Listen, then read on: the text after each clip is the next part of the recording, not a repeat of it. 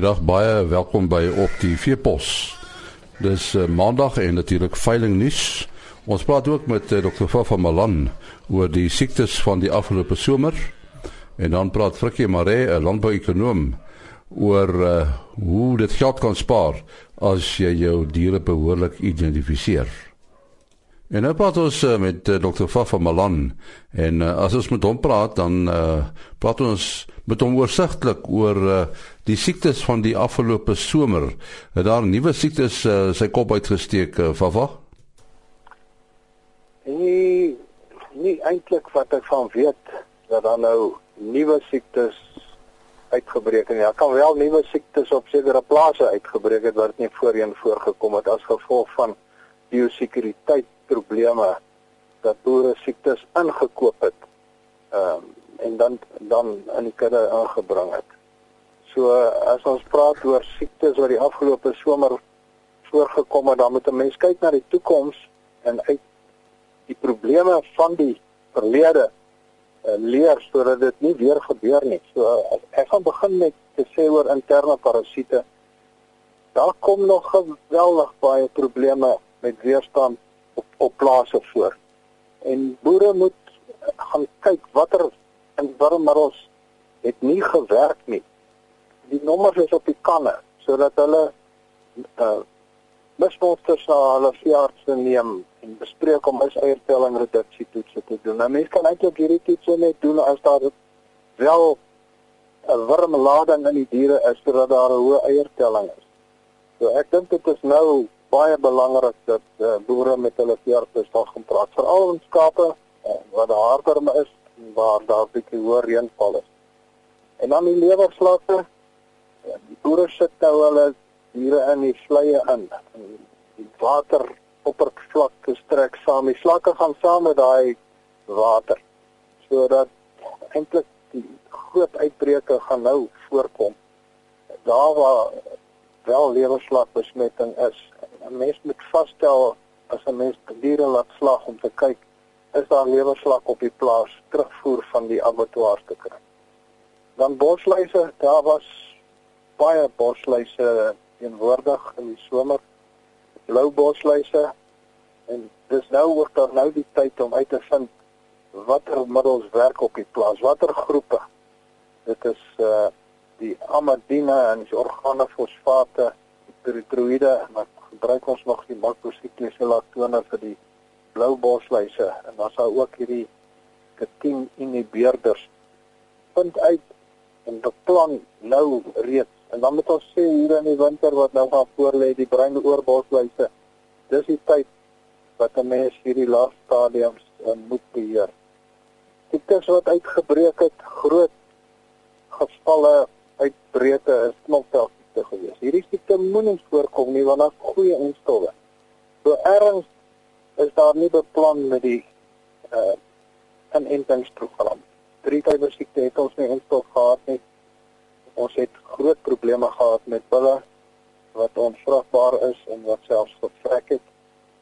So dat plan nou alreeds wanneer instowwe aangekoop gaan word vir die volgende seisoen. Bloutong praat ons nie eers oor nie daar was nie enstof beskikbaar nie en uh daar was groot uitbreke gewees. Wat my herinner is dat daar nou 'n groot aantal van die jong diere is wat nou nie ingeënt is nie. So hulle is hoogs vatbaar vir die volgende seisoen. So nou met alreeds beplan word praat met jou enstofverskaffers wanneer hulle vir jou enstof gaan bestel vir volgende seisoen dan longontstekings as daar op die kaarte gekyk word van die siekterapportering dit is nou longontsteking tyd. En daar was uitbreke gewees in die somer maar nou veral waar ons groot verskille in temperatuur tussen dag en nag gaan hê gaan daar groot uitbreke wees. Daar's goeie enstowwe beskikbaar so beplan en dink daaraan of vir mense nie nou jou diere maar moet in en bespreek dit met jou veearts stof vreemde diere wat aangebring word. Stres, stres speel 'n geweldige rol. En dan ook BCD. Ek weet nie hoeveel van die luisteraars BCD in en nie dis 'n onderdrukkende siekte. Die immuniteit onderdrukking. Speel 'n groot rol in siektes wat voorkom omdat virus en immuunstelsels afgebreek word. En dan was daar die afgelope ook maar altyd uh, die sponsiektee groep as daar uitbreke voorgekom het dan moet 'n mens na hierdie meervoudige enstowwe gaan gebruik. Dit is nie net altyd Clostridium showiae nie, maar die ander ook Septicum sordelli as ook die dikkop sponsiektes.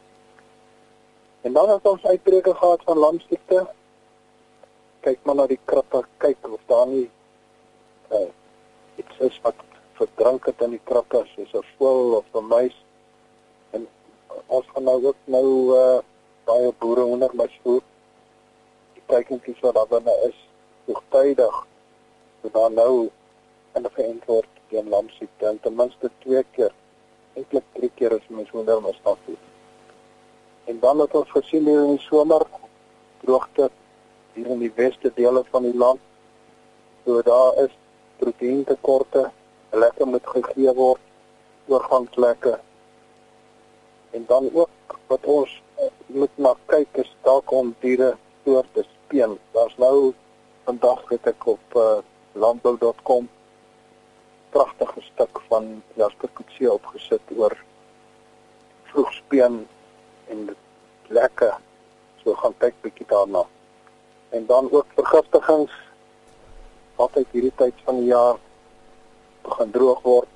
Ons het al gesien baie vergiftigings wat hier in daardie somer gerapporteer is en dat hierdie plante nou groen uitstaan en daar nie baie gras is nie.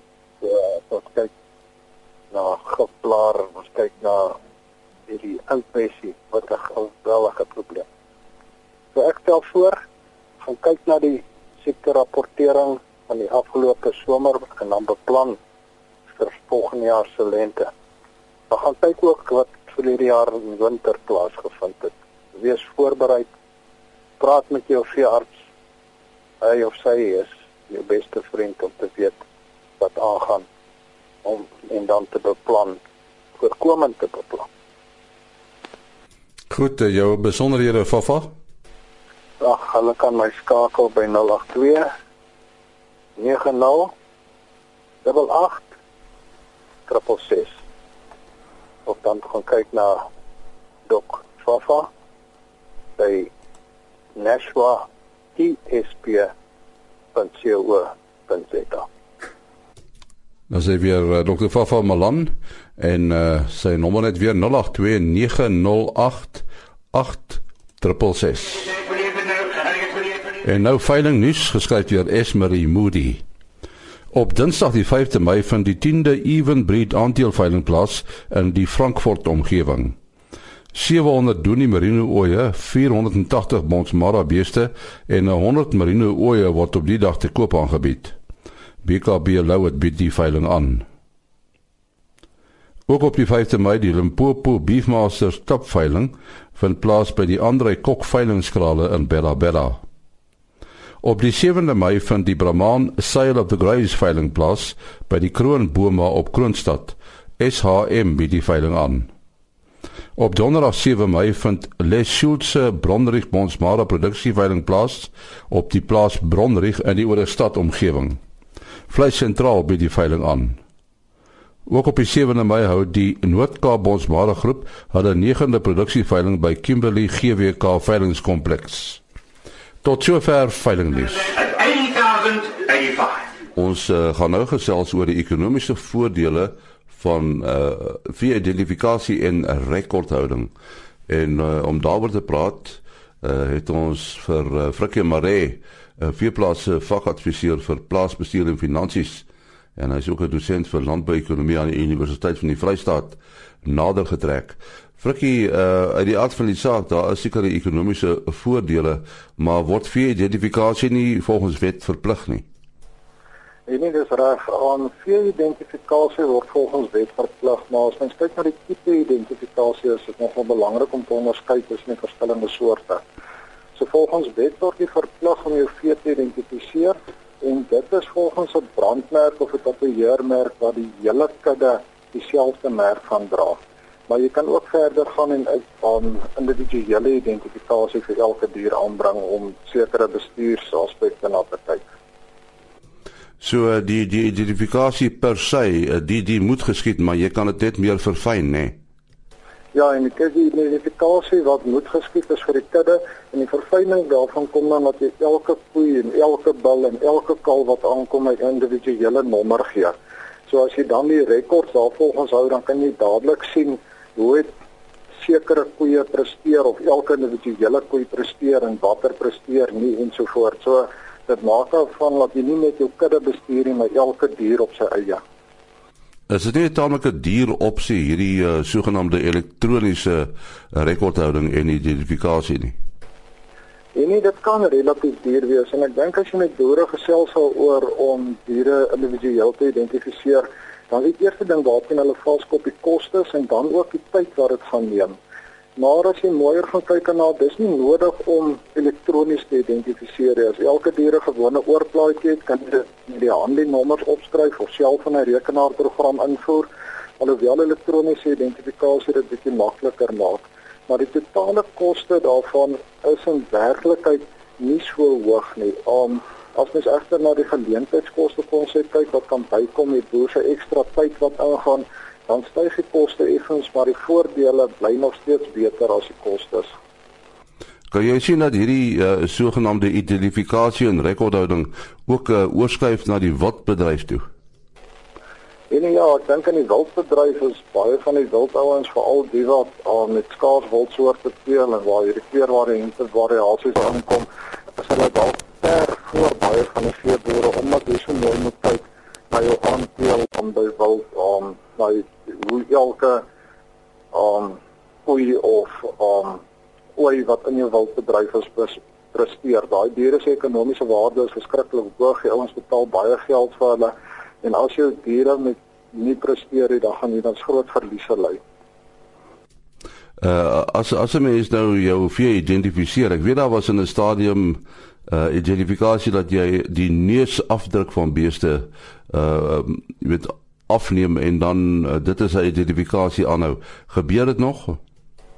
En nee, hulle ondersoek verskillende moontlikhede. Die standaardvorm is maar jou oorplaatjie, jou elektronies of jou gewone met 'n nommer op en dan wat hulle ook baie gebruik as bolusse wat hulle aan um, basies in 'n rumen implant wat jy dan met 'n skandeerder die nommer kan scan of jy kan aan um, 'n elektroniese chip in die oor implant doen baie ouens en dan na die ander opsies waarna hulle kyk is die neusafdruk En dan het hulle ook nou gekyk na die um om 'n foto van die oog te neem en die um strukture van die aardkies van die oog verskil tussen elke dier. Die probleem egter met die neus en die oog metodes is dat jy baie goeie toerusting het en dan raak dit verskriklik duur. So dan het jy nie meer 'n plaatjie nodig en 'n toerusting om om daai prosesse uit te voer as dit duur om dit regtig ekonomies vatbaar te maak op die stadium. Hierdie wet om te identifiseer wie pas daardie wet toe? Is dit die polisie? Nee nee dit word deur die polisie toegepas. Dis die wet op identifikasie van diere wet nommer 6 van 2002 en daarvolgens moet alle diere uh merk dra so as jy by 'n weeklikse vetvee veiling opdaag in Bloemfontein of enige ander plek dan sal baie keer polisie verteenwoordigheid by die hekke. En hulle kyk dan na al die diere om helge al identifiseer as voor hulle die terrein kan binne gaan. En uh, daar's natuurlik groot informele sektore in Suid-Afrika waar diere rondloop, mense wonder of hulle geïdentifiseer is. En ek dink dis een van die grootste probleme. Daai diere word nie eens in baie gevalle meer volgens wet geïdentifiseer en nog minder individueel. En as jy dan na die groter Afrika ook kyk, nie net na Suid-Afrika nie, sit ons met geweldig baie diere wat glad nie 'n merk dra nie en dit het verskillende probleme al met voorkoming van siektes want jy weet nie hoe hierdie diere geskei word nie en die diere is nie geïdentifiseer nie. Dit maak jou uitvoermarkte baie beperk aangesien die diere nie geïdentifiseer is nie. En dan die verbruiker druk al hoe meer na die onnaspeurbaarheid van voedsel of hierdie traceability waarvan hulle praat. So hulle wil weet waar die vleis wat hulle eet vandaan kom. En as jy nie individuele identifikasie doen nie kan jy nie 'n naspeurbaarheid netwerk opstel om dit om aan die vereistes te voldoen van die tipe vleis nie. Nou dit was nou Frikkie Maree, vierplaasse vakadviseur vir plaasbestuur en finansies en uh, soos ek gesê het ook 'n dosent in landbouekonomie aan die Universiteit van die Vrystaat. Môreoggend om 4 voor 5 is ons weer hier. Tot dan, mooi loop. Ah.